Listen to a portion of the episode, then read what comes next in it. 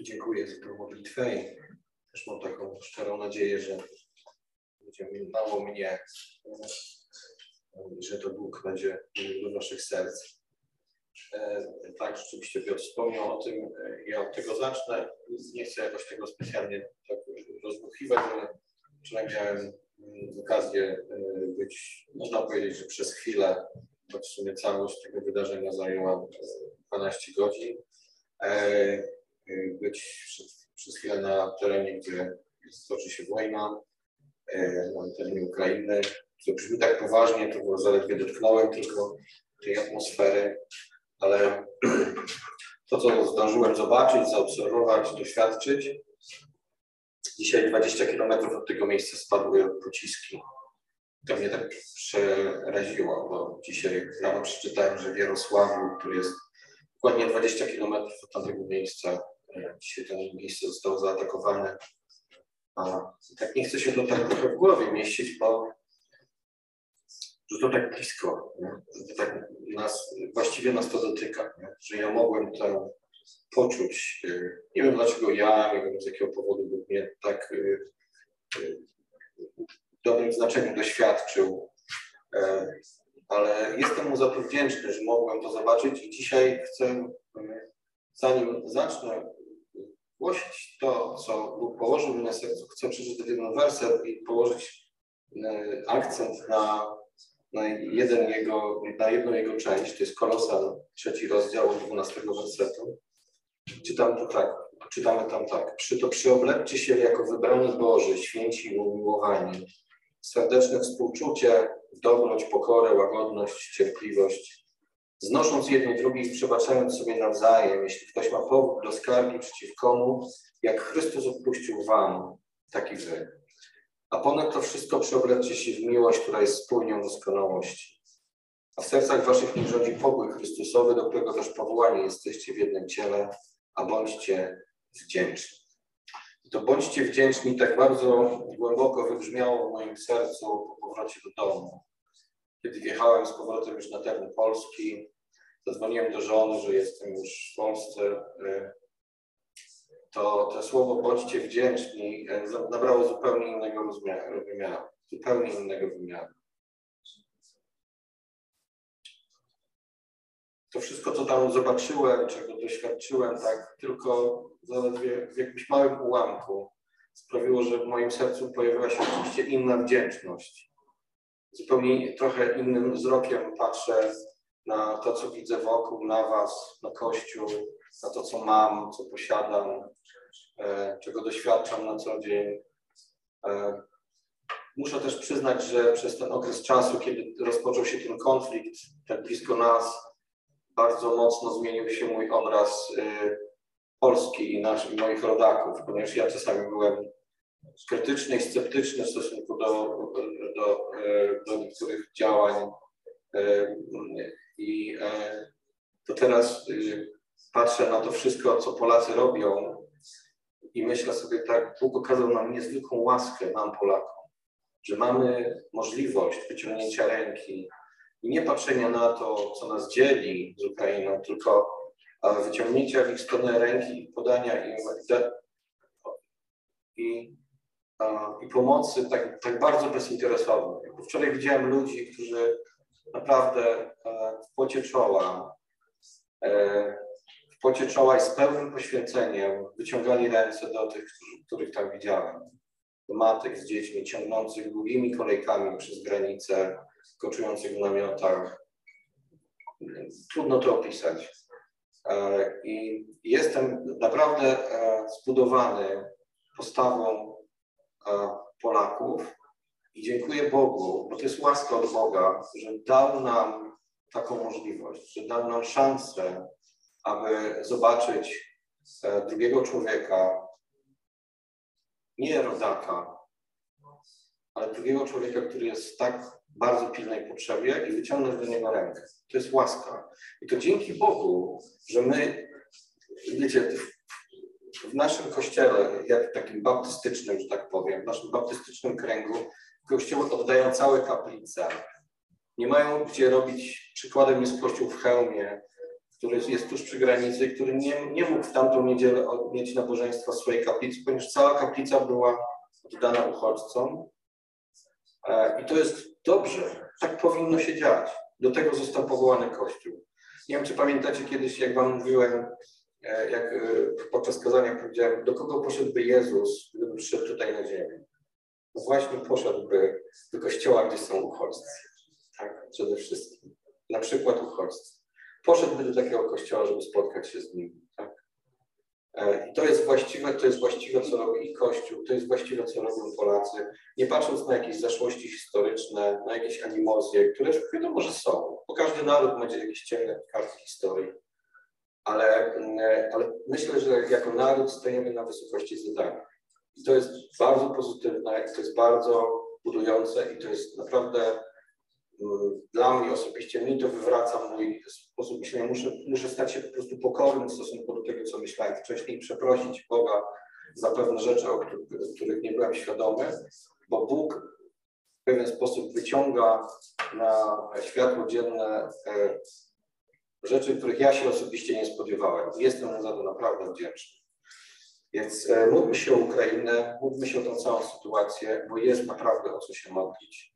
E, I dziękujmy Bogu i bądźmy Mu wdzięczni za to, co mamy jeszcze w tej chwili. E, nieraz to słyszałem i sam to nieraz powtarzałem. Wolność, pokój to nie są rzeczy, które są nam dane na zawsze. Dlatego bądźmy za nie wdzięczni, dopóki je mamy. Otwórzmy Psalm 119.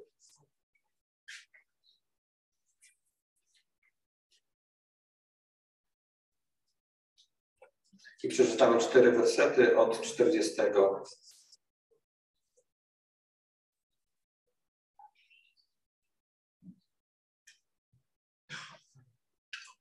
Oto tęsknię do Twych poleceń, ożyw mnie w swej sprawiedliwości. Niech spocznie na mnie Twoja łaska, Panie, i Twoje zbawienie, zgodnie z Twoją obietnicą, abym mógł dać odpór temu, który mnie urąga, ponieważ zaufałem Twemu słowu. Spraw, by nigdy nie znikło z moich ust słowo prawdy, ponieważ wyczekuję Twych poleceń. Oto tęsknię do Twoich przykazań, przez sprawiedliwość swoją ożyw mnie.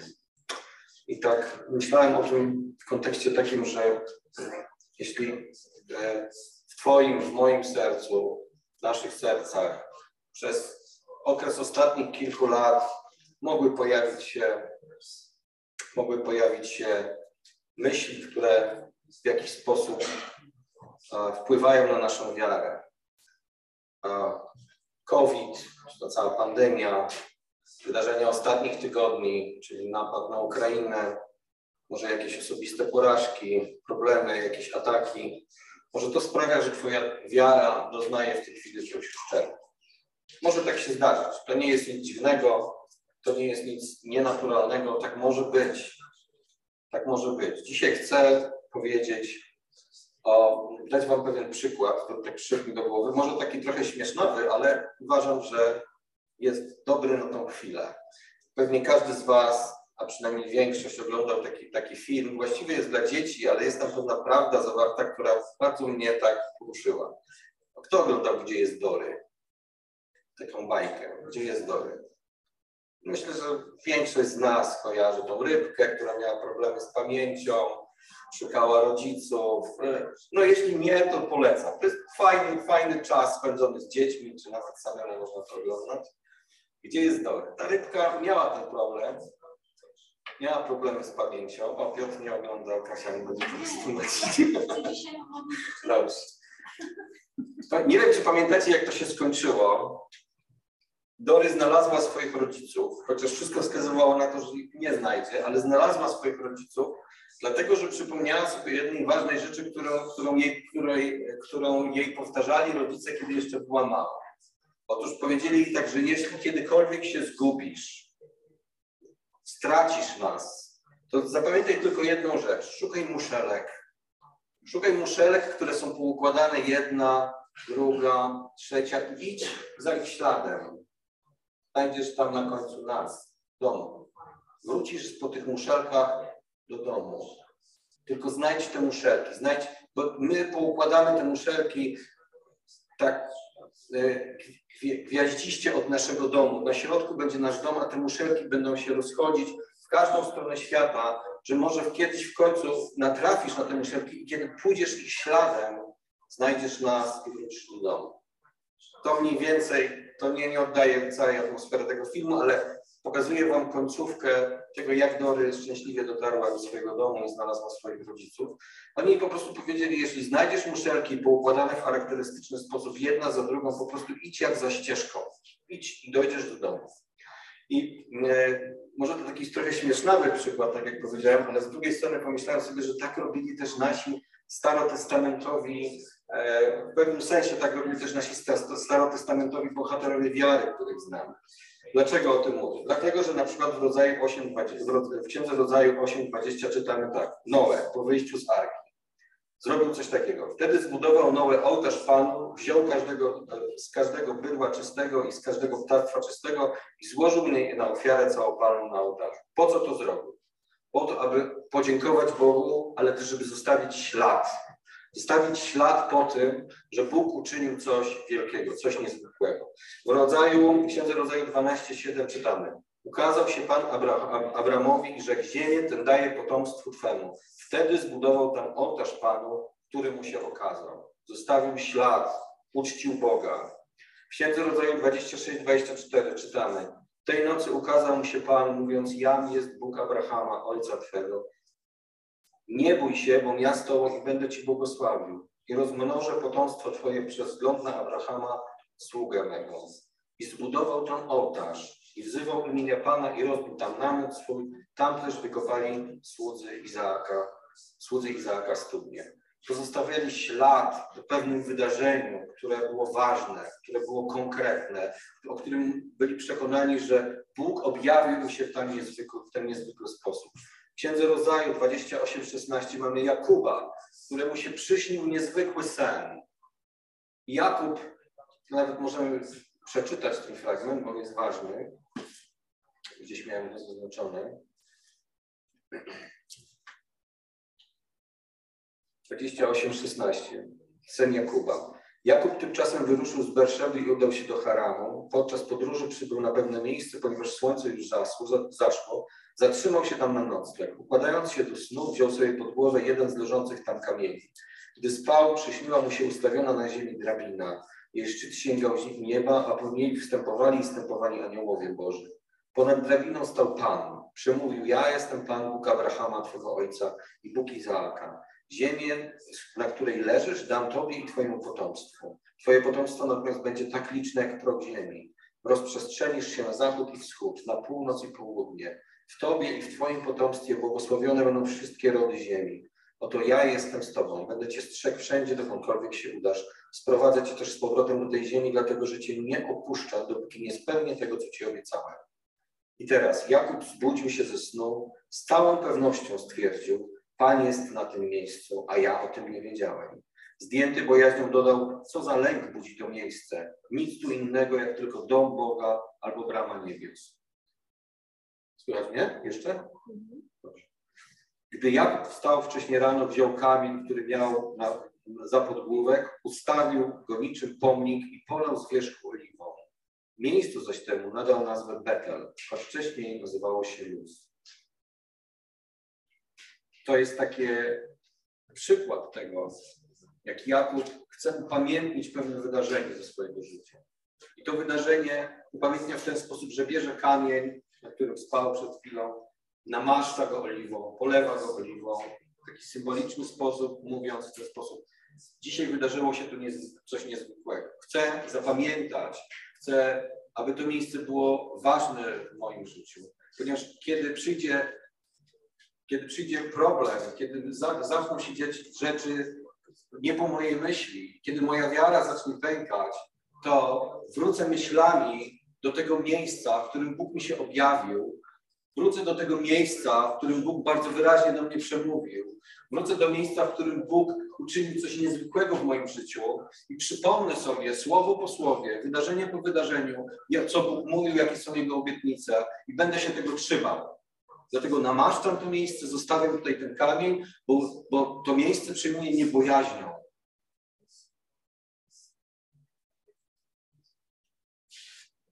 Potem w 35 rozdział, rozdziale Jakub wraca nawet do tego miejsca i w 35-7 zbudował tam ołtarz nazwał to miejsce Elbetel, bo tam objawił mu się Bóg, który czekał przed bratem swoim.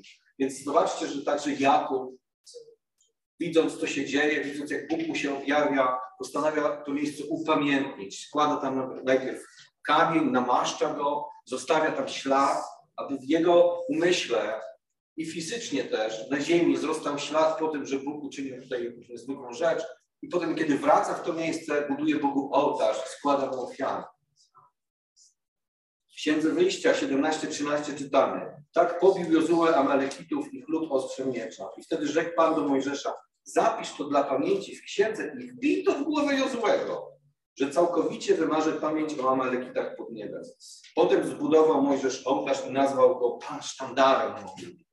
Pan sztandarem moim. To, nie wiem, czy pamiętacie, no, są takie sceny, dzisiaj się to, tego pewnie nie robi, ale wtedy, kiedy flagi i sztandary w bitwach odgrywały takie ważne role, tak, to wbija, tam, gdzie został wbity sztandar, tam było już nasze miejsce, to, tam zwyciężyliśmy, tam e, wróg już nie miał dostępu, tam już e, było tylko nasze wojska i nasze zwycięstwo. Sztandar był tego symbolem.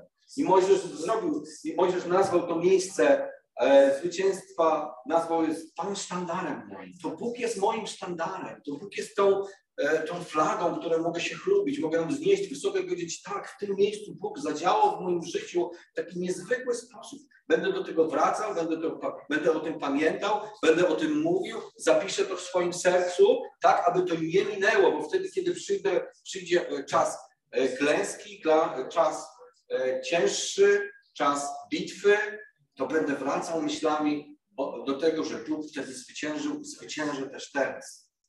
I że On mnie prowadzi, że On mnie nie opuszcza. Pan sztandarem moim.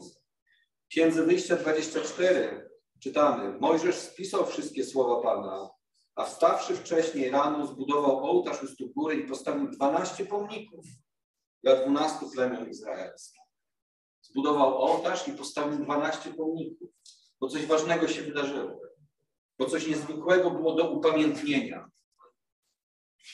Bo jeśli Izrael będzie kiedykolwiek tamtędy przechodził, to będzie pamiętał, z jakiego powodu te pomniki zostały wniesione. Że coś niezwykłego Bóg uczynił w życiu tego narodu. Sędziów 6:22 czytamy coś takiego. Gdy, gdy Gedeon przekonał się, że był anioł, że był to anioł pański, rzekł, ach Panie, Boże mój, przecież to anioła pańskiego oglądają twarzą w twarz. Lecz Pan rzekł do niego, pokój z tobą, nie bój się, nie umrzesz. I zbudował tam Gedeon ołtarz Panu i nazwał go Pan jest pokojem. Pan jest pokojem. Po co to zrobił? Po to, aby pamiętać, aby to, co się wydarzyło, wiązało się też z pewnymi czynnościami, które, które zostaną mi w pamięci. I dzisiaj to jest też nauka dla nas. Jeśli Bóg uczynił coś w Twoim życiu dzisiaj, wcześniej, nie zapominaj o tym. Zbuduj tam ołtarz, połóż tam kamień, namaść go, e, zapisz gdzieś, tak żebyś o tym pamiętał, żeby to nie zostało wyrwane z Twojej pamięci, żeby to nie zostało wyrwane z Twojego serca. Ja osobiście mam kilka takich rzeczy w swoim życiu. I wtedy, kiedy ja widzę, że diabeł atakuje, wrócę tam, do tego miejsca, zapamiętam to, że kiedyś Bóg w taki zupełnie ponadnaturalny sposób uczynił coś odwrotnego niż mogłem się spodziewać. Uczynił coś niezwykłego. Dał mi szansę na to, aby moje doświadczenie, moje, mój naturalny sposób myślenia, żebym mógł to wyrzucić do kosza i ja bym zaczął patrzeć w górę, tam gdzie jest Chrystus na wysokości, tam gdzie jest moja pomoc. Bo kogoż mam w niebie, jeśli nie Jego? Kim innym moja dusza może mieć upodobanie? Właśnie tam sięgam myślą, tam sięgam pamięcią, tam, gdzie Bóg wyciągnął do mnie rękę, aby mi pomóc. Dzisiaj w naszym w życiu i w historii naszego narodu jest taka chwila, tak, że wyciągamy rękę do drugiego narodu w sposób zupełnie bezinteresowny. Powinniśmy postawić pomnik. Historia być może będzie o tym mówić kiedyś. I powiedzieć, mieliśmy taki zryw narodowy. My potrafimy to zrobić dzięki łasce Bożej. W jakiś sposób wyciągnęliśmy rękę do naszych braci, do naszych bliźnich, To nie jest nasza zasługa. To jest łaska od Boga, tak to odbieram. Nie jesteśmy wcale tacy dobrzy. Po prostu Bóg dał nam szansę, otworzył nam drzwi, abyśmy mogli to uczynić dla drugiego narodu, który doświadcza tak wiele nieszczęścia.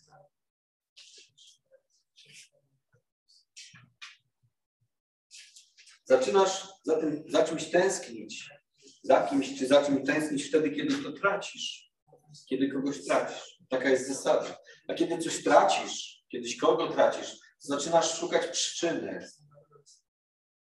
I czasami pojawiają się takie myśli, a no, no Bóg dał, Bóg wziął. Bóg dał, Bóg, Bóg wziął. Ale myślę, że wielu ludzi dzisiaj myśli w tych kategoriach, jak to w ogóle mogło się stać, że za wschodnią granicą mamy to, co mamy. Jak w ogóle Bóg mógł do tego dopuścić? Myślę, że Bóg nie ma nic wspólnego ze złem. To jest podstawa. A to, co się dzieje na wschodzie, za naszą granicą, jest po prostu czystym złem. I z pewnością Bóg to w jakiś sposób wy, wykorzysta. Nie wiem do czego jeszcze na dzień dzisiejszy, ale, e, ale Bóg nie ma z tym nic wspólnego. Jeśli takie myśli miałyby się pojawić w naszych umysłach, bo wiem, wiem, że w wielu nieodrodzonych umysłach takie myśli powstaną. To niech Bóg nas broni przed myśleniem w ten sposób. Bóg nie jest winowajcą ani wojny, ani choroby, ani śmierci. Bóg nie ma z tym nic wspólnego. Bóg jest dobry zawsze. To się nigdy nie zmienia. To my zafundowaliśmy sobie nieszczęścia, to my swoim, swoim nieposłuszeństwem zafundowaliśmy sobie zło, które panosze się na ziemi. To my z powodu naszego grzechu, nieposłuszeństwa, naszych powykręcanych ścieżek a, zafundowaliśmy sobie to, co mamy. Ale Bóg jest zawsze dobry. My dzisiaj jesteśmy wyznawcami i orędownikami tego. I zostawiamy ślad po tym, co Bóg niezwykłego czyni w naszym życiu, stawiając te pomniki, zostawiając ślad po tym, co Bóg dobrego, świętego, cudownego uczynił w naszym życiu. Niech to zawsze tak trwa. Niech tak to właśnie wygląda. Że my chcemy, a tęsknić do Jego przekazań, tęsknić za Jego dziełami, szukać ich w pamięci i odnajdywać miejsca w naszym życiu, w których Bóg uczynił coś niezwykłego. Ja pamiętam, to, tak, to akurat mi tak zostało w pamięci. E, jeszcze z moją żoną nie byliśmy wtedy małżeństwem. E, Danusia mieszkała wtedy na Piekarskiej. Ja pamiętam, że przyszedłem do niej taki zdruzgotany jakimś finansowym niepowodzeniem. Nie pamiętam, że nie dawałem sobie rady. To były moje początki właściwie w Krakowie. Coś tam z pracą było, to było dawno, ale pamiętam, że miałem taki moment, w którym rzeczywiście poszedłem, do, rozmawiałem z Danusią, wtedy zdobyłem się na to i powiedziałem, słuchaj, ja już nie mam siły do tego, naprawdę zmagam się z tym. Już nie pamiętam, o czym wtedy rozmawiać, no pewnie mnie pocieszałaś i tak dalej. Kazałaś mi zaufać Bogu, bo tak się zwykle robi. I to było wszystko ok, ale usłyszał te moje, e, te moje narzekania. Wiecie co? W ciągu jednego dnia te wszystkie problemy prysły jak bańka mydlana. I pomyślałem sobie, muszę to zapamiętać. Muszę o tym myśleć w chwilach, kiedy znowu powrócą takie myśli. Muszę namaścić to miejsce, dzisiaj to tak nazwę, tak? Wtedy te nazwy były mi jeszcze obce, bo to było bardzo dawno temu, to był początek mojej drogi w chrześcijaństwie, ale Bóg wtedy już czynił w moim życiu takie, takie, takie rzeczy, które mnie zadziwiały, że w ciągu jednego dnia, jednej doby, z takiego przygnębionego człowieka, który nie potrafił sobie poradzić z pewną rzeczą, nagle odwrócił wszystko tak o 180 stopni. Nie mogę wam o szczegółach mówić, bo nawet dobrze nie pamiętam, ale pamiętam tą jedną rzecz, że zdarzyło się coś niezwykłego. I później w trakcie mojego życia takich pomników, takich ołtarzy, które postawiłem, jest kilka, kilkanaście, ileś tam, pewnie gdybym miał je spisać, to pojawiło się znacznie więcej, gdybym zaczął e, tak trochę głębiej sięgnąć do swojej pamięci, ale chcę to robić, chcę to czynić. To jest ważne. Sięgnij do swojej pamięci, jeśli tego nie robiłeś, to sięgnij do swojej pamięci, wyciągnij rzeczy, które Bóg czynił kiedyś tam, aby to się stało takie realne, tak, żebyś miał do czego wrócić. Tak jak, jak, jak Mojżesz, jak Abraham, jak Gedeon, jak stawiali te pomniki, składali tam Bogu ofiarę i te, te pomniki tam zostawały. Ten kamień, namaszczony kamień, który położył Jakub, on tam został. Był świadectwem Bożej wierności. Naszym zadaniem tutaj na ziemi jest zachować wiarę pomimo przeciwności. Pomimo przeciwności. Pomimo rzeczy, które mogą się wydarzyć. Chcemy zachować tę wiarę. Chcemy, aby ona przetrwała, aby żył, była żywa, abyśmy donieśli ją do, e, do, do, do momentu, w którym spotkamy się z naszym Panem. W drugim Tymoteusza 4,6 Paweł pisze, albowiem już niebawem będę złożony w ofierze, a czas rozstania mego z życiem nadszedł. Dobry bój bojowałem, biegu dokonałem, wiarę zachowałem. Tak pisał Paweł. Tak pisał Paweł. Zdawawszy sobie sprawę z tego, że już nie zostało mu zbyt wiele życia. Pisał, dobry bój bojowałem. Trzymałem swoją wiarę. Pamiętałem o nią. Troszczyłem się o nią. Zostawiałem ślady w mojej pamięci, co Bóg uczynił. A wiemy, że przeszedł bardzo wiele. A wiemy, że był w niebezpieczeństwach, był biczowany, siedział w więzieniach, niemalże na śmierć ukamienowaniu. Rozbił się z nim okręt nie jeden raz. Przeżył to wszystko. Bóg wykonał przez niego wiele, e, ogromną część swojego planu. I Paweł wiedział o tym, że to wszystko było dobre. Nawet jeśli chwilowo przeżywał trudne chwile. Wiarę zachowałeś. Czy pamiętasz dzień swojego nowonarodzenia? Dzień, w którym się, dzień, czas, to różnie też bywa, swojego nowonarodzenia. Wtedy, kiedy Bóg stał się Tobie w niezwykły sposób bliski. Czy pamiętasz ten moment? To też pomnik. To powinien być pierwszy pomnik. Wywołany w nocy powinieneś złożyć świadectwo. Tak, wtedy, to był ten okres czasu, kiedy Bóg objawił mi się w sposób niezwykły, stał mi się bliski, kiedy mnie zbawił. Czy pamiętasz ten moment? Czy on nie zatarł się w Twojej pamięci? On musi być w Twoim sercu. Powinien tam być. Jak ołtarz, jak kamień, jak namaszczony kamień. Jak miejsce, do którego wrócisz i powiedzieć, tak, wtedy to było tak realne, tak prawdziwe, tak niezwykłe. Zrozumiałem, że Bóg jest mi bliski, że nie chce mi nakładać kajdanów na, na ręce, tylko chce mnie uwolnić. Czy pamiętasz o tym? To dzień, w którym przypisano Ci nową sprawiedliwość. Nie stałeś się doskonały, ale przypisano Ci Jego sprawiedliwość. Przypisano Ci sprawiedliwość Jezusa Chrystusa. Ofiara, którą poniósł na krzyżu, stała się skuteczna także dla Ciebie. To niezwykły czas, miejsce w Twoim życiu. Postaw tam pomnik swój pierwszy pomnik. Wracaj do niego. Wtedy, kiedy przyjdzie trudny okres czasu, wtedy, kiedy diabeł będzie chciał ci zabrać wiarę, wmówić ci, że to, jak żyjesz, to bzdura, to przyjdź do tego miejsca. Pomyśl, jak to było. Wiedz o tym, że to było bardzo realne. Usprawiedliwieni wtedy z wiary pokój mamy z Bogiem przez Pana naszego Jezusa Chrystusa. To jest Rzymian 5.1. Galacjan 3.23. Zanim zaś przyszła wiara, byliśmy wspólnie zamknięci i trzymani pod strażą zakonu, dopóki wiara nie została objawiona. Tak więc zakon był naszym przewodnikiem do Chrystusa, abyśmy z wiary zostali usprawiedliwieni. Usprawiedliwi jesteś usprawiedliwiony, usprawiedliwiona Jego sprawiedliwością, Jego prawością nie swoją, ale Jego. Postaw przy tym pomnik. Namaść kamień. Zostaw ślad w swoim życiu. To Jego sprawiedliwość sprawia, że jesteś dzieckiem Bożym. Nie Twoje kompetencje, nie Twoje umiejętności, nie Twoja doskonałość. To jest Jego inicjatywa, wyciągnięta ręka, Jego zbawienie przygotowane dla nas. Więc jeśli tęsknisz za Jego przykazaniami, tęsknisz za Jego obecnością, stawiaj pomniki, stawiaj miejsca chwały, w której On się objawił Tobie, tak jak Jakubowi we śnie, tak jak Mojżeszowi, tak jak Gedeonowi innym bohaterom, tak jak Abrahamowi.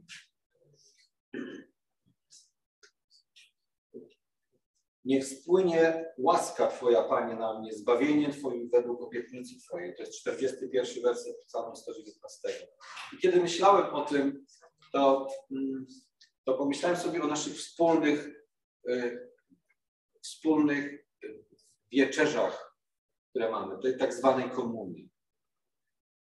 Że Bóg zaprosił nas do tego, aby z Nim obcować, aby z Nim być. Tak jak zaprosił do tego miejsca apostołów, swoich uczniów. Wiecie co?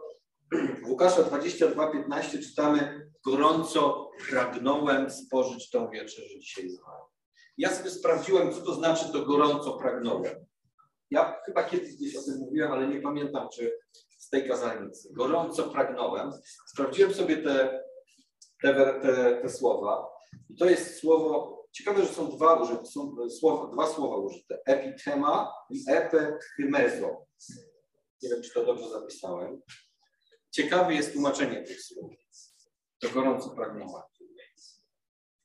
To jest takie bardzo głębokie pragnienie, wręcz pożądanie, graniczące z takim sięgnięciem po zakazany owoc.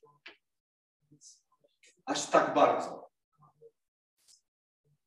To nie jest takie chciałem, to nie jest takie miałem zamiar, to nie jest takie, no, to jest moje takie pragnienie, żeby spożyć z wami e, wieczerzę dzisiaj.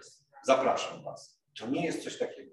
Kiedy te słowa Jezus wypowiada, jeśli patrzymy na to, na to, co one naprawdę oznaczało, oznaczają, to znaczy, że Jezus bardzo, Jezus przywiązywał niezwykłą wagę do tego wydarzenia.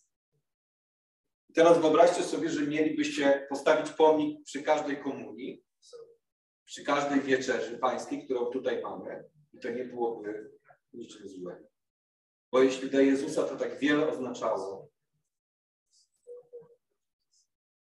a bardzo dużo to oznaczało, jak tak patrzę i czytam, to i, za, i zacząłem się tak wczuwać na tyle, na ile potrafię, na tyle, na ile to jest możliwe w to, co Jezus mógł wtedy czuć. I kiedy spojrzałem na tłumaczenie tych słów, na ich, na ich znaczenie, to zrozumiałem, że dla niego to był przełomowy, absolutnie przełomowy moment. I dlatego wzbudzało to w nim tak wielkie emocje, że tak bardzo pragnął, bo wiedział, że to jest chwila, od której nie ma już żadnego odwrotu. Że będzie tam też Judasz, że będą tam jego ukochani uczniowie. I że to jest moment, w którym cały Boży plan zacznie się, zacznie się toczyć bardzo szybko. Że to jest ostatni, finiszowy moment. Wiedział, że od tego momentu nie ma już żadnego odwrotu. Że kiedy zasiądą do tej kolacji, odśpiewają hymn, usiądą razem, zaczną spożywać, to wtedy, kiedy już diabeł opęta serce Judasza, to już wszystko jest, to, to już wszystko zacznie się toczyć bardzo szybko. I myślę, że ten moment wywoływał w Jezusie tak wielkie emocje. I dlatego tak gorąco pragnął spożyć tą wieczerzę, bo to wywoływało w nim takie gorące pragnienie, aby to się już stało. Jestem gotowy. A gorąco pragnę, aby, aby być z wami wtedy, aby powiedzieć do was te wszystkie słowa, jakby wykonać plan, który został, został zlecony, który chce wykonać. I tak myślę o tym, że kiedy my tutaj spotykamy się, to czasami jest tak, że staramy się przywiązywać wystarczającą wagę do tego, co robimy, ale nie do końca chyba rozumiemy. Nie do końca chyba zdajemy sobie sprawę, jak ważne to było wydarzenie dla samego Jezusa. A dobrze by było, żebyśmy rozumieli to. Ja kiedy przeczytałem te słowa i zacząłem nad tym rozmyślać, to doszedłem do wniosku, to czemu Jezus nakazał nam, żeby to robić później? Ciągle i ciągle powtarzać, powtarzać, aby to był taki kamień węgielny, taki kamień, taki kamień, namaszczony kamień w naszym życiu. że coś niezwykłego się wydarzyło. I gdybyśmy tak, jak mamy tę wspólne, wspólną wieczerzę pańską co, co, co, raz na miesiąc mniej więcej, to postawmy kamień. Tak? Niech to będzie taki kamień, który stawiamy w naszym kościele, w naszym chrześcijańskim życiu. Niech on trwa, bo będzie nam przypominał o tym, co Bóg uczynił dla nas niezwykłego. A to jest sedno tego, co Jezus uczynił. Został zdradzony. I, ta, i, ta, I te wydarzenia potoczyły się wtedy bardzo szybko. Dlaczego gorąco pragną? Dlaczego tak bardzo pragną? Wręcz na granicy pożądania. Muszę to z wami zrobić. Tak bardzo tego pragnę, aby ten ostatni wieczór spędzić z wami. Moimi ukochanymi uczniami. Nie potrafię nawet do końca zrozumieć, co działo się w sercu Jezusa Chrystusa. Myślę, że nikt z nas nie potrafi. Myślę, że dopiero kiedy spotkamy się z Nim, zrozumiemy, co tak naprawdę działo się w tym sercu. Jak bardzo gorące, jak bardzo żywe było to pragnienie, aby spożyć tą wieczerzę z nimi po raz ostatni. I to jest łaska, której my doświadczamy, że my możemy czynić to samo, że my możemy to upamiętniać. To jest przywilej, który został nam dany z łaski, bo nie zasłużyliśmy sobie na to i nigdy na to nie zasłużymy. Że jesteśmy tutaj w tym miejscu, że mamy przywilej, aby razem spożywać ten chleb i pić ten sok. To jest przywilej. Nie zapominajmy o tym. To jest takie celebrowanie tej łaski, która została nam objawiona. Tak samo jak pokój i wolność to łaska, tak samo ten moment, w którym możemy być razem, to też jest łaska, której doświadczamy od Boga. Psalm 119:42 mówi, aby mógł odpowiedzieć. To jest kontynuacja tego, co czytaliśmy przed chwilą. Niech spłynie na mnie łaska Twoja, Panie, zbawienie Twoje według obietnicy Twojej, abym mógł odpowiedzieć temu, który mi urąga, bo zaufałem Słowu Twemu. Abym mógł odpowiedzieć temu, który mi urąga. To jest taka pewność, odwaga, wartość płynąca prosto z Jego tronu.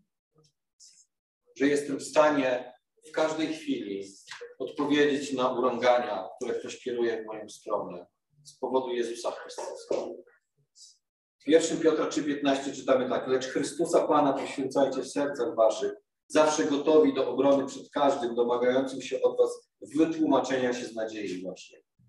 Podoba mi się inne tłumaczenie, już nie pamiętam, które to jest tłumaczenie, które mówi o tym, lecz Chrystusa Pana miejcie za świętego w waszych sercach. Tutaj jest napisane poświęcajcie, to też jest dobre tłumaczenie, ale miejcie za świętego bardziej przemawia do mojego serca. Miejcie go za świętego. Miejcie go za waszego Boga. Miejcie go za waszego Pana. Niech on króluje w waszych sercach. I bądźcie gotowi, aby odpowiedzieć każdemu, kto żąda od was wyjaśnienia, dlaczego tak wierzysz. Dlaczego jesteś tak wierny temu? Dlaczego jesteś tak czasami radykalny w swoich poglądach? Dlaczego idziesz tą drogą? Ona jest mało popularna dzisiaj. I wtedy sięgasz po kamienie, które postawiłeś gdzieś tam wcześniej w swoim życiu. Widzisz ich wartość i jesteś w stanie, czerpiąc tą siłę z nich, z tych wydarzeń, które Bóg, z tych niezwykłych rzeczy, które Bóg uczynił w Twoim życiu, jesteś w stanie złożyć świadectwo przed tym człowiekiem. Powiedzieć mu, tak, Bóg uczynił w moim życiu niezwykłe rzeczy. Przemienił moje serce, nie w taki sposób, jak ja sobie to wyobrażałem, ale uczynił je nowym, mięsistym, pragnącym, przyjmującym Boże Słowo i rozumiejącym go.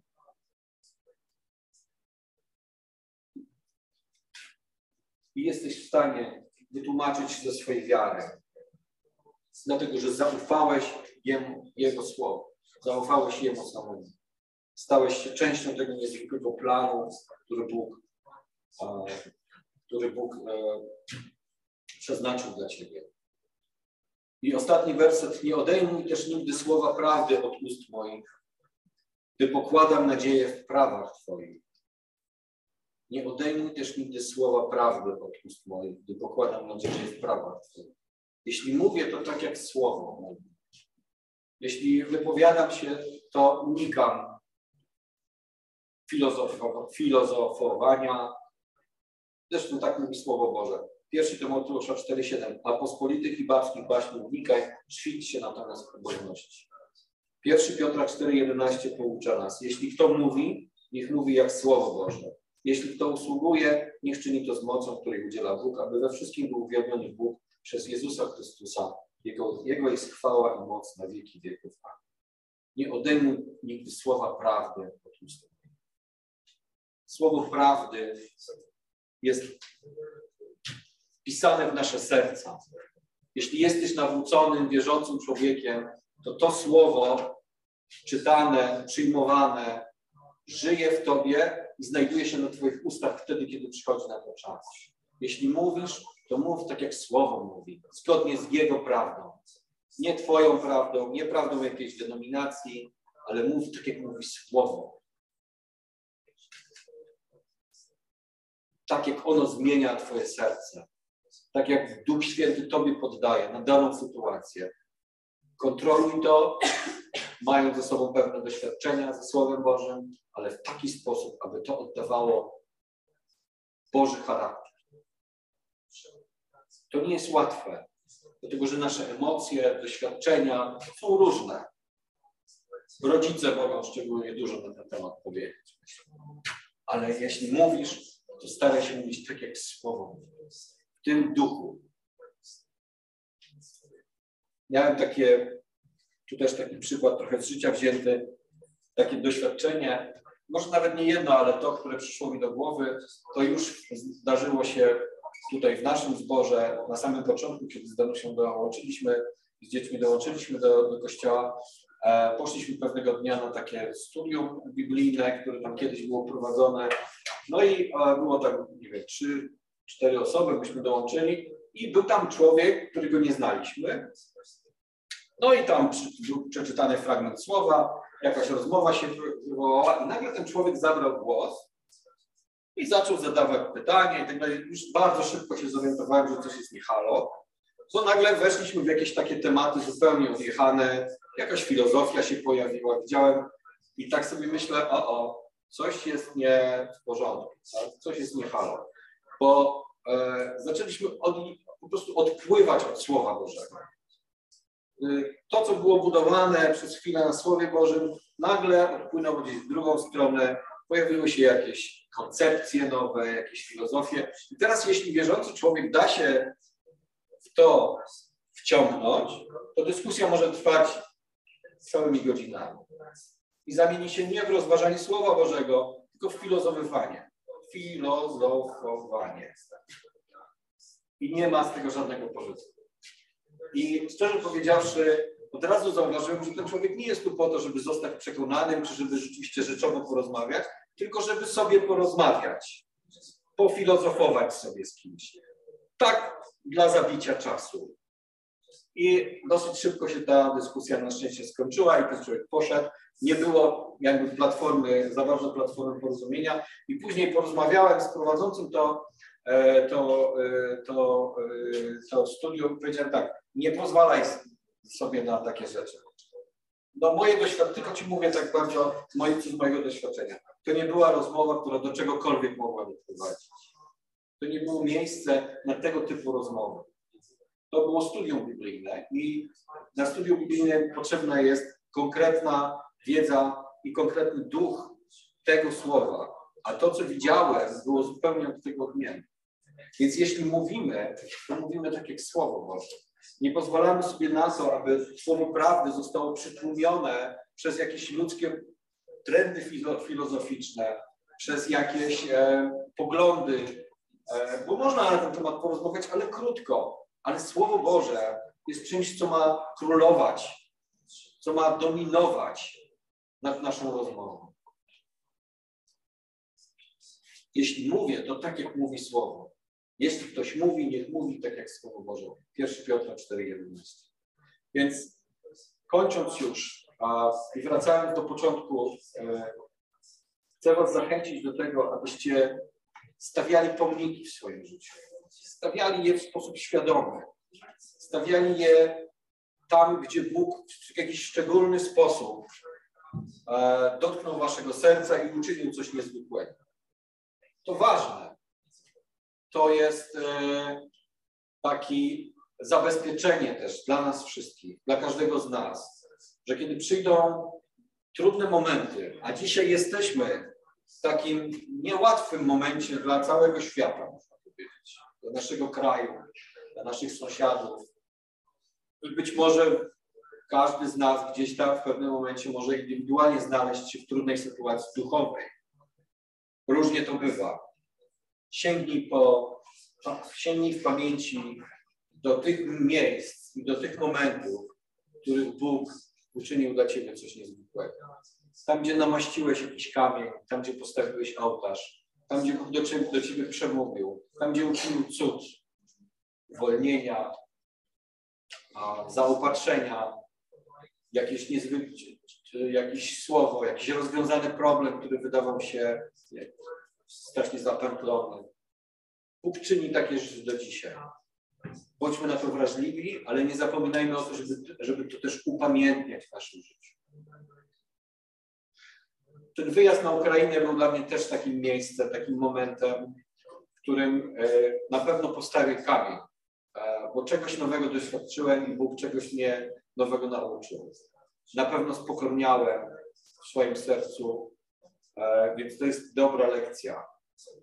I nauczyłem się być może trochę więcej, co to znaczy być wdzięcznym.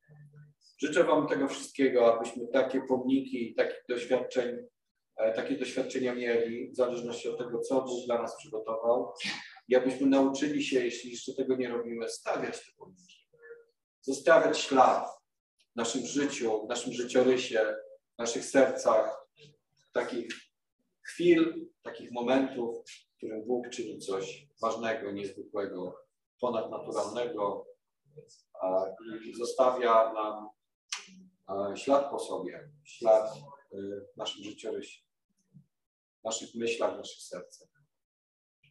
Dobry Boże, tak bardzo dziękuję Ci za Twoje słowo.